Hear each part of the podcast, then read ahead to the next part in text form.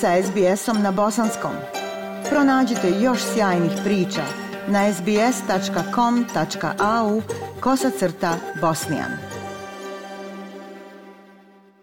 Aisha, lijep pozdrav tebi i slušateljima SBS radija. Evo, nakon što su prošli opći izbori, polako dolazi vrijeme za konstituisanje vlasti e, tokom proteklih dana, a evo i tokom naredne sedmice e, konstituisat će se novi sazivi kantonalnih skupština u Federaciji Bosne i Hercegovine. A tokom protekle sedmice konstituisan je i novi saziv predsjedništva Bosne i Hercegovine. 16. novembra Željka Cvijan Stojanović, Denis Bečirović i Željko Komšić položili su u zgradi predsjedništva Bosne i Hercegovine u Sarajevu svečanu zakletvu i tako zvanično postali novi članovi predsjedništva Bosne i Hercegovine. Na svečanosti certifikate im je uručio predsjednik Centralne izborne komisije Bosne i Hercegovine Suadar Nautović. Oni su dužnost i četvorogodišnji mandat preuzeli u prisustvu velikog broja zvanica, među kojima su bili domaći političari, predstavnici predstavnici državnih institucija i strani diplomati. Ovo je osmi saziv predsjedništva Bosne i Hercegovine, a prva predsjedavajuća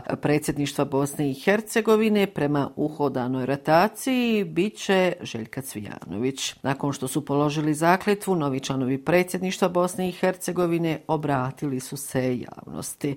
Dakle, prva se obratila Željka Cvijanović, koja je u predsjedništvu, dakle koja u predsjedništvu Bosne i Hercegovine dolazi sa pozicije predsjednice Republike Srpske. Ona je u svom obraćanju, pored ostalog, navela kako smatra da niko izvana ne treba nametati rješenja Bosni i Hercegovini. Evo, poslušajte dio iz obraćanja nove predsjedavajuće predsjedništva Bosne i Hercegovine Željke Cvijanović. Želim da zajedno u skladu sa našim ustavnim nadležnostima radimo na dobrobit oba entiteta i svih naroda u BiH kao i ostali građana, a ne na bilo čiju štetu. Jedno od strateških opredjeljenja jeste i nastavak evropskog puta. Kao što ne vjerujem da Bosni i Hercegovini može pomoći zloupotreba ili uzurpacija ustavnih ovlaštenja na spoljno-političkom planu, tako ne vjerujem da nam strani sudije u Ustavnom sudu BiH, visoki predstavnici ili strani drugi mikromenadžeri mogu pomoći da živimo u uspješnijoj zemlji, a da to nismo mi učinili kao naš posao.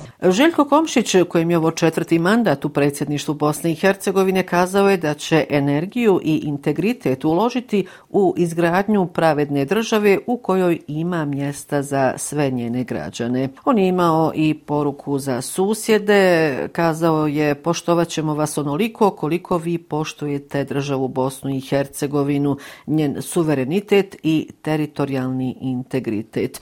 Bosna i Hercegovina nikome ništa nije dužna, a mnogi su puno toga dužni njoj. Ovo su riječi člana predsjedništva Bosne i Hercegovine Željka Komšića. Evo poslu poslušajte i dio iz njegovog obraćanja.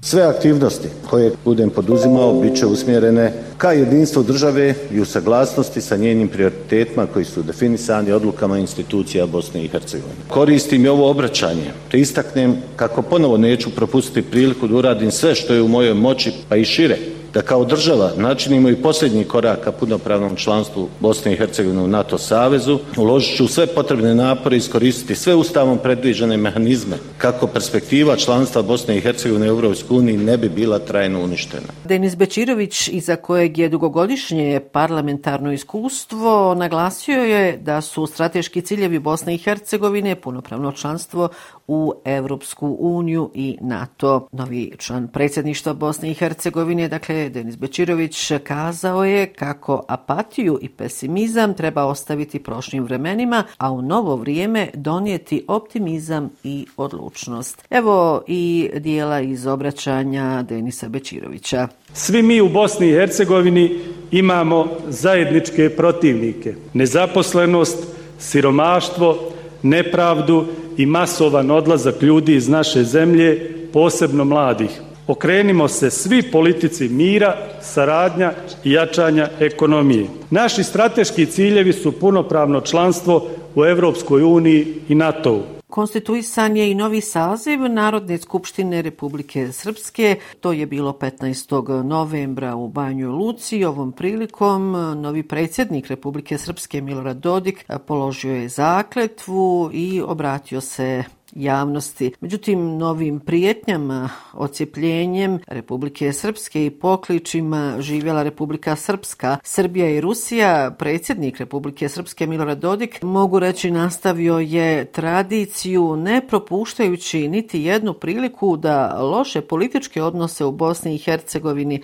učini još lošima. E, tokom čina koji je trebao proteći u svečanoj atmosferi, Dodik je ponovo osuo paljbu po visokom predstavniku međunarodne zajednice u Bosni i Hercegovini, Kristijanu Šmitu, ali nije štedio ni međunarodnu zajednicu u cjelini, e, ističući podršku Srbije i Rusije. Milorad Dodik je visokog predstavnika Kristijana Šmita etiketirao kao, e, citiram, lažnog visokog predstavnika. Dodik je dodao da sa Šmitom ne želi razgovarati i da Republika Srpska, kako on kaže, kaže ima svoju Srbiju, svoju Rusiju, partnere u Mađarskoj, Kini i Grčkoj, susjede sa kojima želimo razgovarati kao što su Crna Gora i Hrvatska. Razgovarat ćemo sa njima, a ne sa raznim spodobama poput Kristijana Šmita, kazao je Milorad Dodik prilikom polaganja svečane zakletve u Narodnoj skupštini Republike Srpske.